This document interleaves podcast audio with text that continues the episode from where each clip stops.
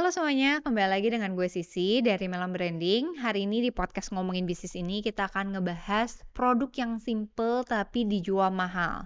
Sama kayak minggu lalu kita ngomongin tentang Nespresso yang tadinya dari kopi sasetan dan sekarang berubah menjadi kopi kapsul yang dijual mahal, luxury gitu ya. Dan kali ini kita akan ngebahas tentang air putih mahal. Nah, jadi kalau kalian yang tahu merek Fiji itu air putih yang dikenal tuh mahal.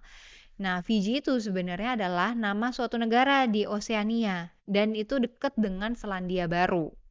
Nah, Fiji itu didirikan dari tahun 1988 oleh David Gilmore dan si bisnismen ini tuh sebenarnya tertarik dengan bisnis hotel, terus juga real estate dan juga pertambangan emas. Dengan kalian dengar kayak gitu aja udah pasti dia nggak mau dong main uh, di level yang uh, kecil-kecil gitu ya. Dia pasti maunya juga yang mewah-mewah. Nah, dia tuh ngebangun merek Fiji ini dengan mensecure deal 99 tahun bekerja sama dengan pemerintahan Fiji dan dia berhasil um, deal dengan Fiji ini tuh dengan memberikan nama brand dia itu adalah Fiji Water yang kita tahu sekarang. Nah, di Fiji Water ini sekarang udah ada di 332 negara dan dia tuh juga agak kesulitan sebenarnya di awal karena si Fiji ini tuh jauh dari mana-mana. Dan gimana sih caranya ngebangun brand dia sebagai air putih premium yang ikonik? Dia tuh membangun tiga pilar. Yang pertama, dia membangun mitos yang menarik. Yang kedua, dia ada marketing yang presisi. Lalu yang ketiga, itu ada strategi distribusi kontrol. Nah, di sini kita mau ngebahas di bedah satu-satu dulu marketing yang ada. Yang pertama itu adalah membangun mitos yang menarik. Nah, si Fiji ini sebenarnya dikenal sebagai negara yang lengkap dengan tropical forest gitu ya. Terus dikelilingi oleh coral reef yang ibaratnya tuh nggak nggak banyak polusi lah di sana. Dan juga mereka tuh dilindungi secara natural jadi jauhlah dari polusi-polusi negara modern saat ini. Nah, dengan adanya mitos tersebut dan juga dia membangun narasinya juga jelas gitu ya. Dia tuh ngebangun pemahaman dari customer-customernya kalau mereka ini adalah produk yang amat natural dan juga kayak masih alami banget gitu. Dan yang kedua itu ada marketing secara presisi gitu. Nah, di sini dia tuh nggak melaunching produknya dengan masuk ke media massa atau dipromosin online atau apalah itu.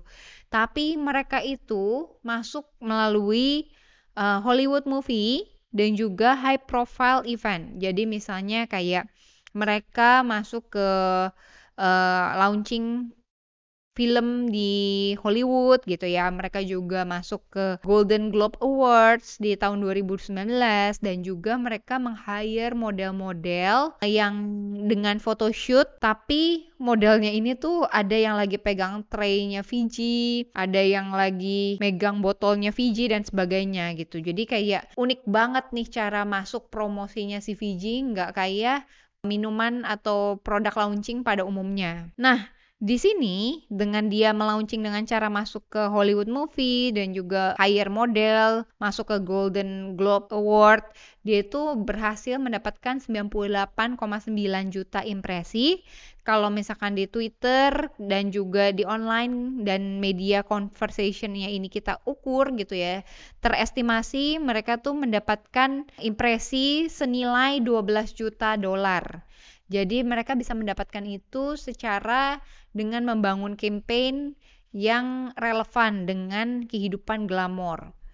Nah, Fiji juga mendapatkan sponsor dari menjadi sponsor utama di local event seperti golf turnamen, terus sailing retratas dan juga uh, musical event. Jadi emang dia masuknya itu ke event-event private yang memang menengah ke atas gitu ya. Dan, nah, selain itu mereka juga menjadi sponsorship dan juga memplacement brand Fiji Waters ini di Hollywood movies ketika mereka tuh meng-hiring sebuah creative entertainment service dan juga Hollywood marketing consulting firm. Dan mereka itu memasukkan VG ke dalam beberapa skrip naskah film mereka gitu ya di Hollywood sehingga membangun narasi kalau misalkan produk VG ini tuh natural banget dan juga memperkuat mitos-mitos yang tadi kalau misalkan mereka tuh masih natural banget dan dijaga oleh nature gitu ya.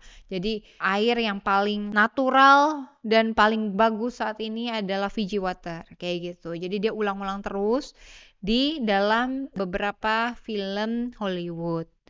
Dan Fiji Water ini juga membangun personal relationship dengan selebriti yang kerjasama dengan mereka. Mereka dikasih kayak dikasih minum dengan Fiji Water secara terus-terusan, dikasih sponsor, dipromosiin, dan diasosiasikan bahwa Fiji itu adalah baik untuk kesehatan dan juga cocok untuk kehidupan mewah. Nah, di selebritas ini mereka membuat uh, mereka membuat trendsetter gitu ya di dengan lingkungan mereka, dengan dunia para keartisan ini, selebritas ini, mereka jadi ngerasa, oh Fiji Water ini adalah air minum yang premium dan luxury yang harus diminum para selebritis dan juga teman-teman artisnya gitu. Jadi mereka mengkontribusikan uh, merek Fiji Water ini sebagai uh, premium image Nah, selain itu, kontrol distribusi strategi itu yang ketiga. Si Fiji Water ini juga taruh di tempat-tempat hotel mewah, hotel terbaik, atau resort, atau spa gitu ya. Dan juga mereka masuk ke chef-chef recommendation. Jadi setelah mereka bekerja sama dengan restoran-restoran ternama juga mereka berhasil mendapatkan chef recommendation ini.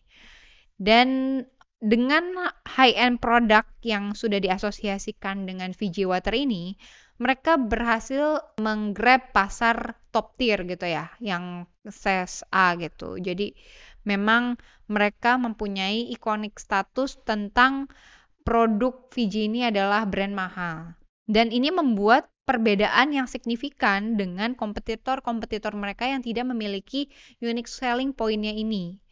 Dan juga di sini tapi bukan berarti Fiji Water nggak pernah mengalami krisis gitu ya.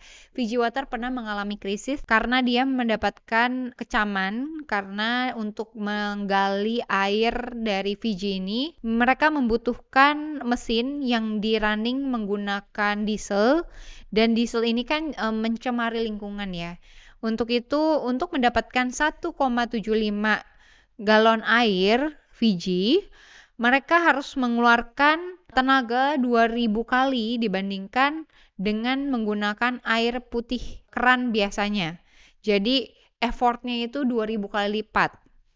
Nah ini membuat perusahaannya jadi dikecam karena kan tadi ngomongnya natural banget, tidak tereksploitasi, tidak terpolusi. Tapi giliran mereka menggali Fiji Water ini, mereka malah mengeluarkan uh, mesin yang di running pakai diesel. Itu kan mencemari juga. Jadi dikarenakan itu company-nya membuat CSR dengan membuat natural forest. Kita kayak nanemin natural forest gitu ya. Dan juga tapi prosesnya itu nggak secepat itu. Jadi itu hanya faktor yang membantu agar secara perusahaan dan juga brand citra brand mereka bisa menekan krisis kecaman tersebut.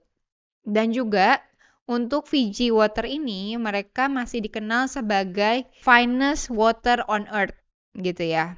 Jadi karena mereka masih dikenal sebagai air putih terbaik di dunia, mereka mendapatkan uh, revenue sebesar 43 juta dolar dan juga mereka memanfaatkan strategi marketing mereka dengan baik yaitu tiga konten marketing pilar tadi. Itu aja yang pengen gue share dari brand Fiji sebagai merek air putih terbaik saat ini di dunia.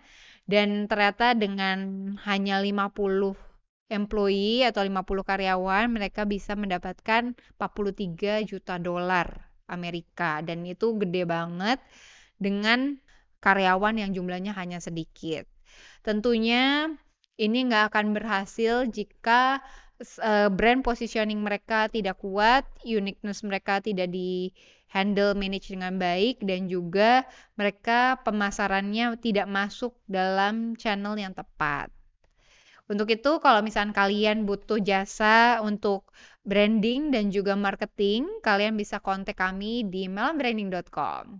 Sampai jumpa di podcast selanjutnya.